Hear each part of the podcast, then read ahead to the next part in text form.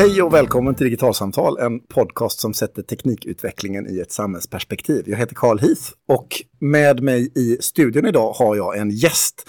Välkommen Alexander Hallberg, ordförande i Sverok Spelhobbyförbundet. Tack så mycket. Eh, vi får väl göra en så här full disclosure till att börja med, att du och jag har känt varandra ett tag. Mm. Ja, det är nog bäst. Och eh, vi har till och med jobbat ihop lite jobbat. grann Mm. för, eh, ja vad är det, tio år sedan eller någonting. Snart i alla fall. Ja, Mm. och eh, vi båda två är spelare. Ja. Så om den här, eh, podd, det här poddavsnittet blir lite extra nördigt så finns det en naturlig förklaring. Ja, ja, men precis. Eh, men vi behöver börja någonstans och då tänker jag att vi börjar i Sverok. Frågan Sverok, vad är detta för någonting? Det är ett ungdomsförbund. Jajamän, det är ett av Sveriges största ungdomsförbund. Vi har eh, över 100 000 medlemmar i 3600 föreningar och vad vi gör är att vi samlar den svenska populärkulturen eh, genom att organisera ungdomar som är intresserade av spel, eh, film, eh, fantastik, brädspel, rollspel, lajvande och så vidare. Över 100 000 eh, ungdomar upp till 25. Ja, ja men precis.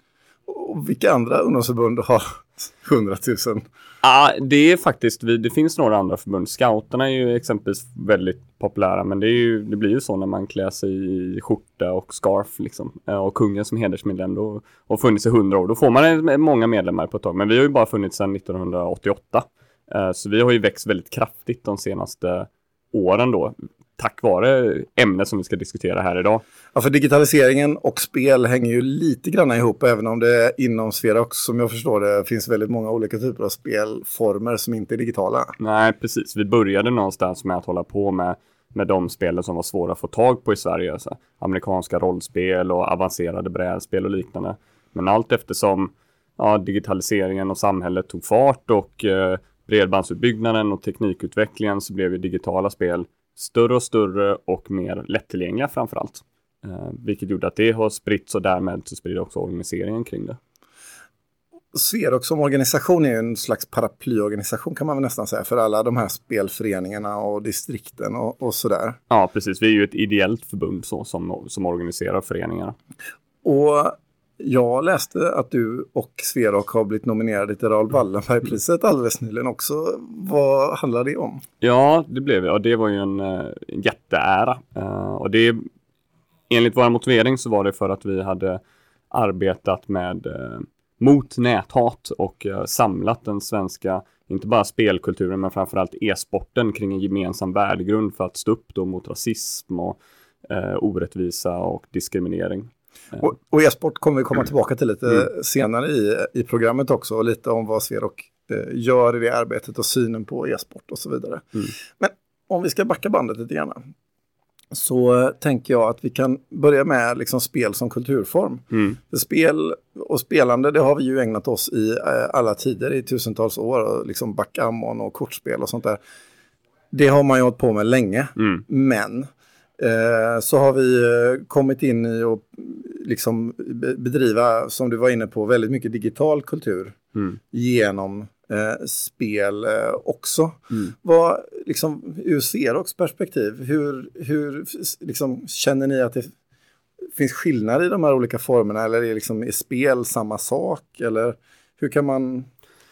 Ja, alltså det blir ju lite vanskligt att, att jämföra kulturformer med kulturformer, för det är självklart att det finns många saker som är, som är lika, alltså värdet i kulturen överhuvudtaget, varför, varför det skulle vara värdefullt att bevara spel eller dokumentera spelandet eller att spela överhuvudtaget, samtidigt som enligt min åsikt så är spel också en klass för sig, för att det är dels väldigt brett och dels väldigt annorlunda i sin uttrycksform. Det finns många olika sätt att spela exempelvis digitala spel på. Eh, på ett sätt som det inte finns fullt lika många olika sätt att se på en film. Alltså du tänker till exempel att liksom eh, Candy Crush Saga, det är ett mobilspel Mm. eh, som har ganska lite gemensamt med Counter-Strike. Ja, precis. det skulle jag vilja säga. Ja, Ja. det, dels så kräver det en helt annan sak utav, alltså så här, spelandet ställer ju oftast krav på dig för att du blir ju en aktiv del utav utövandet. Eh, du är aldrig passiv i din, eh, i, din, i din utövning, utan det är du som är med och styr, du påverkar historien eller utfallet i spelet på något sätt. Um, och då avgör ju också vilka verktyg i form av digitala plattformar som du har att tillgå på den ytan. Jag tänker att alltså, i takt med att eh, er verksamhet har digitaliserats över de här sista 20 åren och fler och fler använder sig av digitala spel och mm. spelar mm. digital, uttrycker sig digitalt, eh, gör aktiviteter som är digitala. Mm. Eh, så har er verksamhetsfokus föreställer mig också kommit att liksom glida över in i en digital uh, värld mer över tid mm. som organisation. Mm. Hur, men, och samtidigt får ni ju stöd, statsbidrag, mm. för att ni är ett ungdomsförbund och organiserar demokratisk verksamhet och sådär. Mm. Hur upplever du att liksom, uh, relationen ur ett kulturperspektiv är till stat och kommun om man jämför liksom den digitala verksamheten som ni bedriver jämfört med er övriga spelverksamhet? Ja, alltså det varierar ju väldigt, väldigt mycket från, från kommun till kommun. Ofta så handlar det om att man har hittat en eller två personer som har fattat grejen så att säga. Annars så ser man det oftast inte som kultur. Uh, så spel till att börja med är inte kultur? Nej, de flesta tycker inte det som vi kommer till. Vi är ju av den, den bestämda uppfattningen att spel är absolut en kulturform och vi försöker ju arbeta för att bredda kulturbegreppet och få in spel där i. Um, Alltså du tänker alltså, ja, när det kommer en kulturproposition eh, av något slag, mm. eh, om man beskriver vad kultur innefattar så ingår inte begreppet spel i det ja, sammanhanget. precis, så när, när regionerna exempelvis gör sina kulturplaner eh, så står inte spel med där. Men på många håll i landet så får det skohornas det nu då in på liksom undantag och liknande för att man, eh, alltså så här, verkligheten börjar väl komma, komma ikapp kan man säga. Alltså så Sverok sitter med i, den, i, i sakrådet för kulturarvspropositionen just nu. Eh, vi pratar om digitaliseringen och, och eh, mer och fler personer kan ju inse att, att skapande, fysiskt skapande och digitalt skapande ska vara likställt. Eh, och då kommer det även i samma, eh, samma tankesätt vad gällande spelandet och det som utövas av kultur. Eh, Myndigheten för kulturanalys mäter redan spelarna som en del av en kulturövning. Så jag tror att det bara handlar om att om att komma att de där liksom dokumenten ute på på regionerna, på kommunerna och på staten ska komma ikapp det här. Men, men de här dokumenten som du pratar om, de reglerar ju också ganska mycket förutsättningarna för verksamheten gissar jag. Ja, och det är därför kanske Sverok växer så stort med, för vi erbjuder någonting som ingen annan gör. Alltså det kan vara ganska, man hamnar, hamnar ofta mellan stolarna mellan kultur och idrott ute på förvaltningarna. När man ska då exempelvis då e-sporta. Är det idrott? Eller är det liksom någon slags kulturutövning? Eller är det någonting annat? Är det bara en vanlig ungdomsförening så, som gör vad som helst? Um, och där är ju vi ute väldigt mycket och försöker att liksom ge perspektiv och prata och så framförallt stödja våra egna föreningar då. Uh, för det är klart att det är utmanande när man har då uh, en förening med 2000 medlemmar som råkar ha sitt säte i Grums kommun, men kanske bara är tio personer i själva föreningen som bor där. ah, okej, okay. så för regelverket som dikterar kulturutövning det är fortfarande liksom geografiskt betingat? Ja, korrekt. Men eh, för att man eh, söker medel för i sin kommun och mm. om det då är en e-sportförening med 2000 medlemmar som bara möts digitalt mm så möts ju de inte i Grums utan på internet. Ja, vissa gör ju det. Alltså så här, det, det, ska man ändå vara att eh, det ökar ju chansen. Nu råkar jag ju veta att det är ett ganska stort Nintendo-konvent som arrangeras i Grums från år till år. Uh, så, och, så just det, det, exemplet var kanske inte helt rätt? Nej, nej, men samtidigt så visar det på, för det handlar inte bara om, om eh, för jag förstår ju lika väl som den andra att uh, liksom kommunens pengar är tänkt att gå till de som är boende där, men samtidigt visar det på utmaningen som finns i att hur kan man stödja den här verksamheten som inte är fysiskt bunden med eh, ja, de medel som stat och kommun har att stödja med. För delvis så handlar det ju såklart om, om ekonomiska medel, men sen handlar det också om andra förutsättningar eller att överhuvudtaget få inflytande och bjuda in, bjudas in till samtal. Alltså så här, det tycker jag att det, det är ganska intressant när en, man har då en ordförande för en förening som har 2000 människor i sig eh, som inte blir inbjuden till samtal för enligt kommunens regler så behöver man vara 20 personer som bor i kommunen för att få räknas som en förening. Eh, och därmed så stängs man ute från, från en offentlig process där jag tror att framförallt kommunen går miste om väldigt, väldigt värdefulla tankar och idéer kring just de här utmaningarna. Så digitaliseringen på något sätt, eh, den förändrar er verksamhet, mm. eh, den förändrar hur era medlemmar kommer till uttryck och i viss utsträckning så utmanar den också de rådande systemen i hur de förhåller sig till vad som är ungdomsverksamhet. Ja, nej, men det skulle jag absolut säga. Uh, jag menar, våra, det är därför vi, vi, jobbar ju så himla mycket med det, att såklart att de här ungdomarna ändå kommer in i liksom någon slags demokratiskt system via oss och kan påverka via oss. Jag menar, för vi pratar ju oftast åt dem då när vi kommer ut till kommuner och, eh, och regioner och liknande.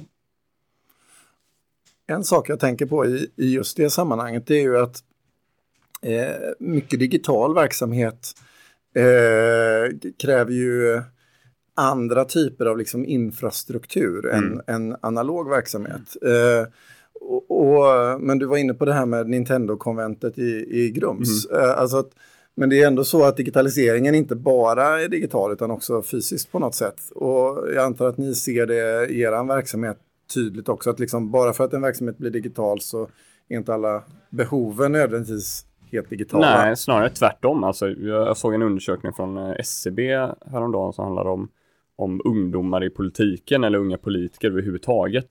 Eh, om man pratar om ungas engagemang och det är ju en missuppfattning att, att unga eh, vill ha internet och Facebook som sin primära arena för engagemang. De väljer den för att den är mer lättillgänglig eh, och den är en än de fysiska motsvarigheterna. Så därför tar man sin tillflykt via nätet istället. För det är klart, det är jäkligt bökigt och kostar mycket pengar att träffas 2000 pers varje vecka eh, i Grums. Men om man har möjligheten att göra det via nätet istället mycket billigare och bättre, då gör man det. Problemet är sen då när man inte tittar på det här stora perspektivet utan går ner för, som du säger, det krävs internetuppkoppling, det krävs eh, el, eh, man kanske vill träffas och ha datorer och eh, anordna LAN exempelvis är en sån här typisk sak. Och när man då kommer till att eh, de, enda till, de enda lokalerna som finns tillgängliga skulle vara idrottshallar och eftersom man inte är en idrottsförening så får man betala marknadsmässig hyra. Då blir det ju skav där direkt eller man vill inte ha in bord och stolar på det fina golvet. Och då frågar man sig vad finns det för andra lokaler för de här ungdomarna, för de här LAN eller överhuvudtaget de här arrangemangen som inte nödvändigtvis är A. Teater eller B. Idrotts arrangemang och då blir det ganska smalt helt plötsligt. Okej, okay, så när offentlig sektor så att säga utgår från sina skrivelser av vad som är kultur så mm. dikterar det i någon mening också villkoren för vilken typ av byggnader som uppförs för att tillgodose för de här kulturuttrycken som man har bestämt är kultur. Ja. Så finns det i en text att eh, teater är en kulturuttryck, då är det rimligt att man också bygger en teater. Men mm. vad du då är inne på, om jag förstår det rätt, är att eftersom spel överhuvudtaget inte existerar i, i, de här, eh, liksom, i den politiska processen mm. Eh, så får det en mängd konsekvenser över tid i en massa olika beslut och där ett av de här besluten då blir att man inte helt enkelt, ja, man som spelverksamhet bedriver sin verksamhet i en idrottshall eller i någon annan typ av lokal. Mm. Ja, men för det är ju här som digitaliseringen och liksom den lokala organiseringen kring spelarna i min har den stora styrkan för att den händer ute på landet. Den sker inte nödvändigtvis ute i storstäderna för att den kan ploppa upp exakt var som helst. Alltså så här, vi har ett jättekonvent som sker uppe i Skellefteå som heter Nordsken som, man, som engagerar flera tusen människor som kommer dit och åker upp till Skellefteå för att delta i detta. Och det började som en digital mötesplats där de började sedan träffas och lana och sen utvecklades mer och mer. Vi har DreamHack i Jönköping, samma sak där, som har sett liksom Jönköping på den internationella scenen. Så här, vi har människor från andra länder som inte kan Stockholm och Göteborg, men de vet absolut Jönköping, inga konstigheter, det vet de vad det är, DreamHack, stora grejer liksom. Eh, och det tror jag ligger en stor styrka där om vi pratar om liksom globalisering överhuvudtaget, att det är någonting som kan få hela landet att leva på ett sätt som som vi inte riktigt tar tillvara på just nu. Du har glidit in lite grann på DreamHack och, och så vidare. Sverok har väl över tid också fått en relation till liksom e-sporten i takt med att e-sporten har vuxit som fenomen också föreställer jag mig. Mm. Ja, så är det ju. Eh, e-sport är ju väldigt, väldigt stort eh, just nu och på samma sätt som fotboll är stort. Det är någonting som engagerar, tävlande engagerar. Ehm, och det är framförallt så att det har växt fram nya grupper, att det inte bara man spelar själv utan man tittar väldigt mycket på när andra spelar. Ja. för jag, alltså, bara de sista ett och ett halvt åren eller något sånt där så går det ju på SVT Play och, och ser på e-sporttävlingar. Ja. Så det, någonstans så, så, kan man ju känna att det, det, här är någonting som har vuxit och inte är en liksom dagslända utan något som Nej, eh, det, är en regelbunden verksamhet på något sätt. Det kommer garanterat finnas kvar. Sen är det ingen som säger att det kommer se ut exakt så som det gör idag, för det ligger lite i sakens natur att den förändras. Uh, men det kommer, vi har tävlat i digitala spel sedan tidigt 90-tal. Uh, eh, det är först nu som det har växt för att vi har fått verktygen för att få det att växa på det sättet. Men ja, när man säger ordet e-sport så då, då, tänker man ju mer på sport än vad man tänker på liksom traditionella kulturbegrepp och så mm. vidare. Mm. Eh, men hur står sig e-sporten sett i relation till annan sportverksamhet? Som du ser det? Ja, vi, vi försöker ju definiera att eh, alltså, här, man gör sig själv en otjänst om man jämför e-sport med fotboll annat än, annat än i liksom kulturen kring sporten då. Vi vill väl mer likna den som en precisionsidrott, alltså där man sitter ner och har hög koncentra höga koncentrationsnivåer under väldigt, väldigt lång tid. Det handlar om reflexer, det handlar om eh, strategiskt beslutsfattande under väldigt, väldigt pressade former. Eh, det handlar om hand och öga koordination eh, och det handlar om lagarbete. Så att det är de delarna, så att på ett sätt ser det ju mer likt skyttesporter kanske, eller eh, dart och liknande. Um, men det är självklart att det finns en fysisk ansträngning, men inte på samma sätt som när man springer ett maraton eller fotboll eller liknande. Och det är ingen som har påstått det heller. Men likväl så får man då liksom ändå konstatera att det här är en sportverksamhet och den är stor. Men hur, hur, eh, hur, hur ser liksom, hur, ja. Vi försöker ju särskilja på liksom då när vi pratar om spelande att, i, att vad är spel som kulturutövning och vad är spel som idrott? Kan det vara båda samtidigt? Ja, det är klart det kan det. Spel är ju i sig bara verktyg för vad man använder det till och väljer man att idrotta och sporta i det, då kan vi väl anse att det är det då.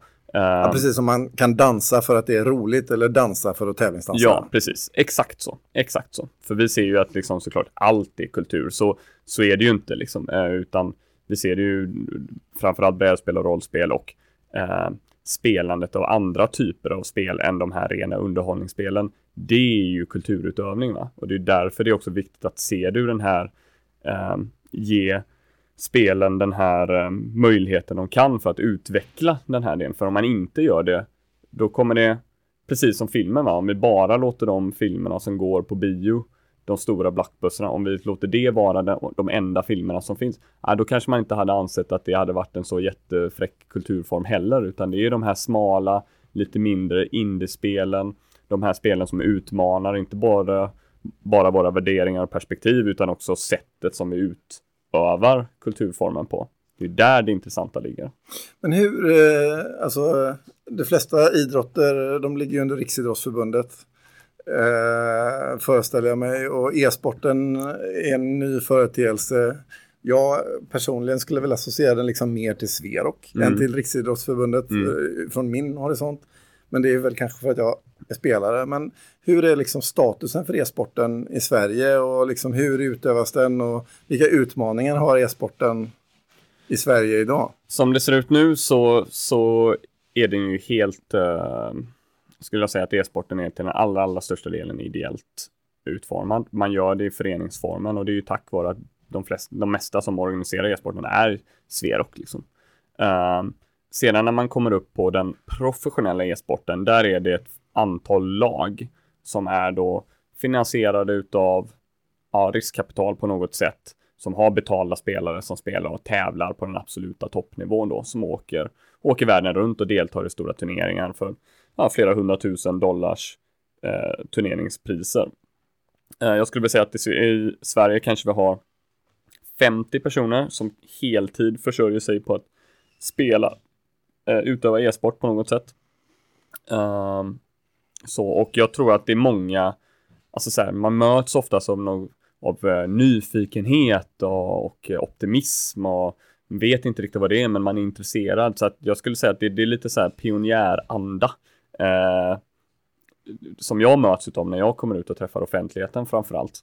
Um, ehm, så det, det känns som att det händer spännande saker. Jag tror att det bara är en tidsfråga innan det startar ett, ett riksidrotts eller ett idrottsförbund som organiserar just e-sporten.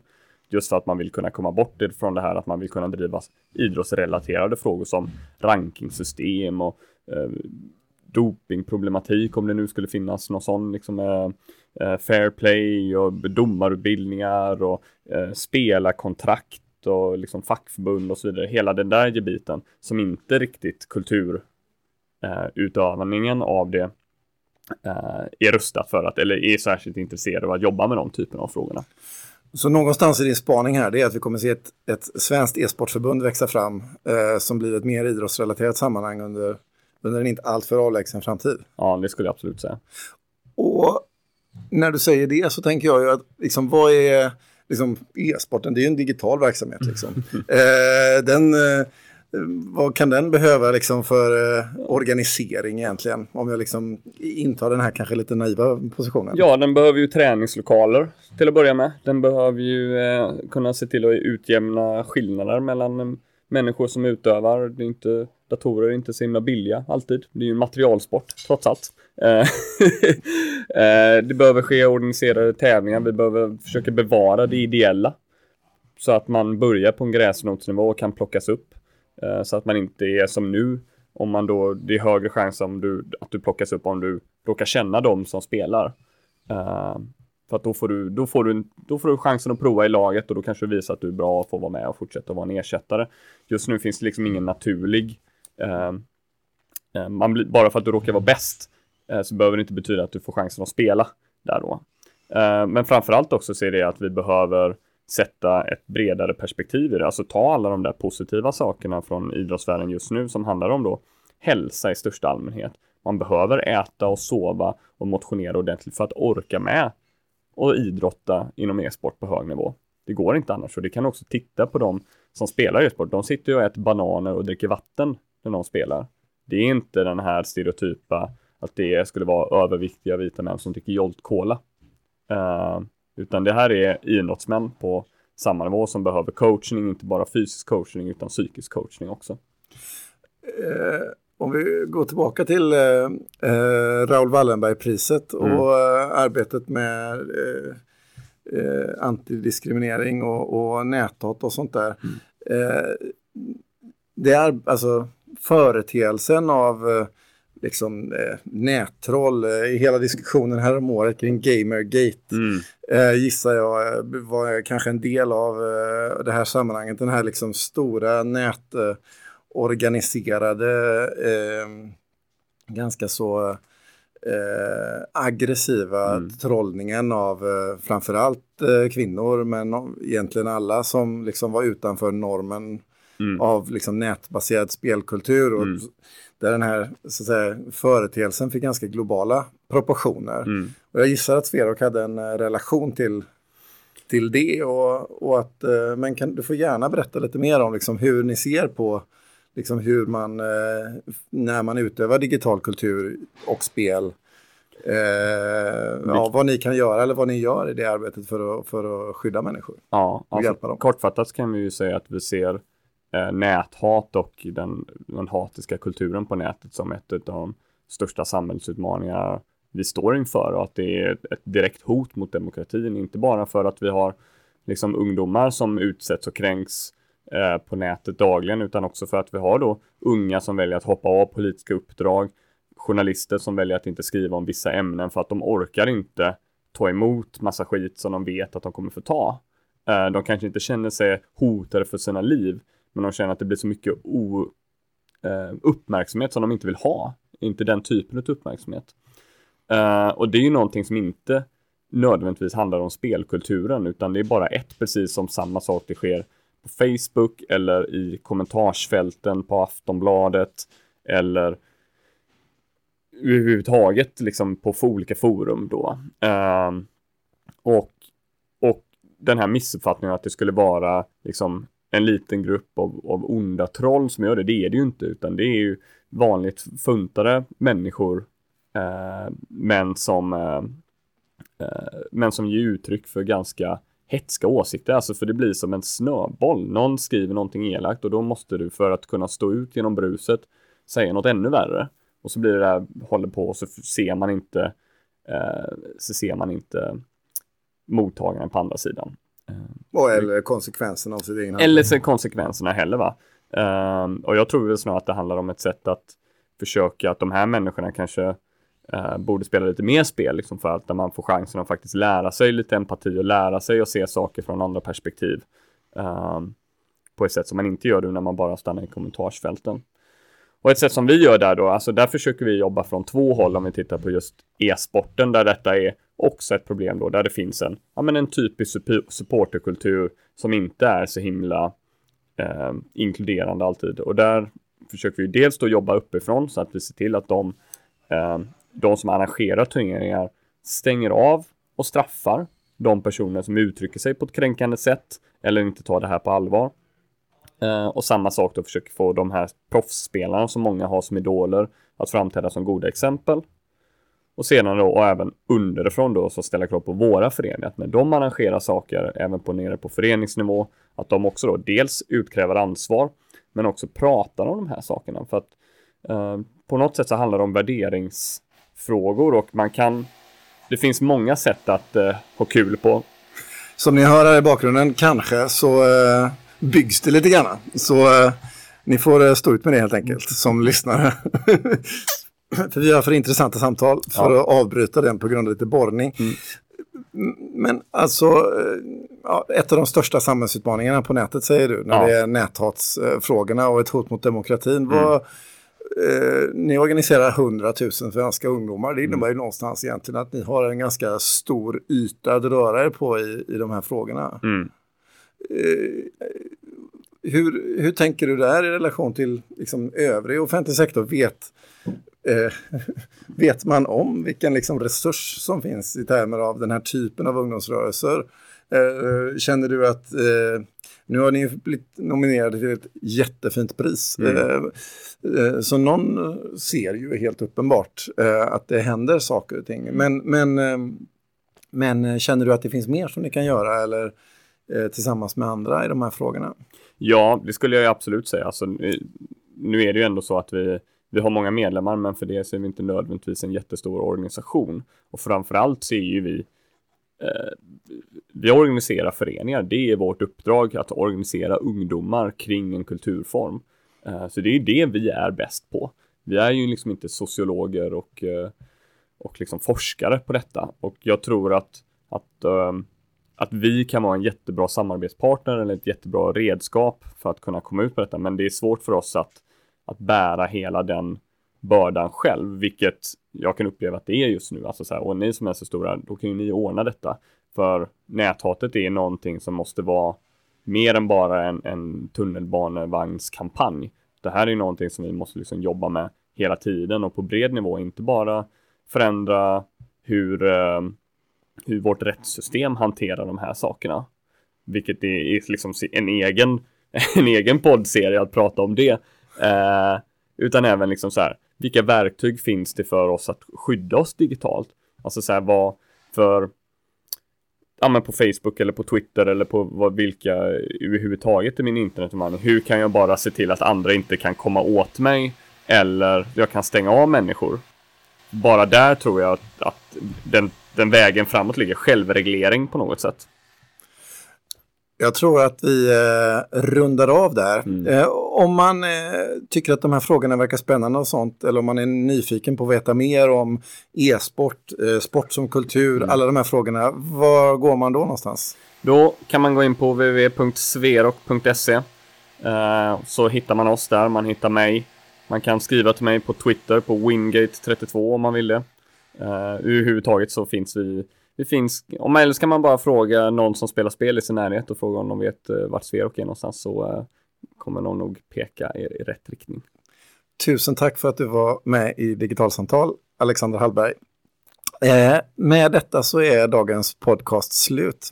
Hör jättegärna av er med kommentarer, tankar och funderingar i Facebookgruppen Digital samhällskunskap. Har ni en fråga till oss, tveka inte att höra av er. Det går jättebra att ställa frågor till oss på mejl också. Adressen är i så fall podcast.digitalsamtal.se. Det finns en sida för podcasten på Facebook som heter just Digitalsamtal. Och är det så att ni prenumererar på podcasten i iTunes eller någon annanstans så får ni jättegärna gå in och skriva och ratea oss. Eh, för ju fler ratingar och stjärnor vi får desto fler hittar till oss och ju fler lyssnare får vi. Men till nästa gång, hej då!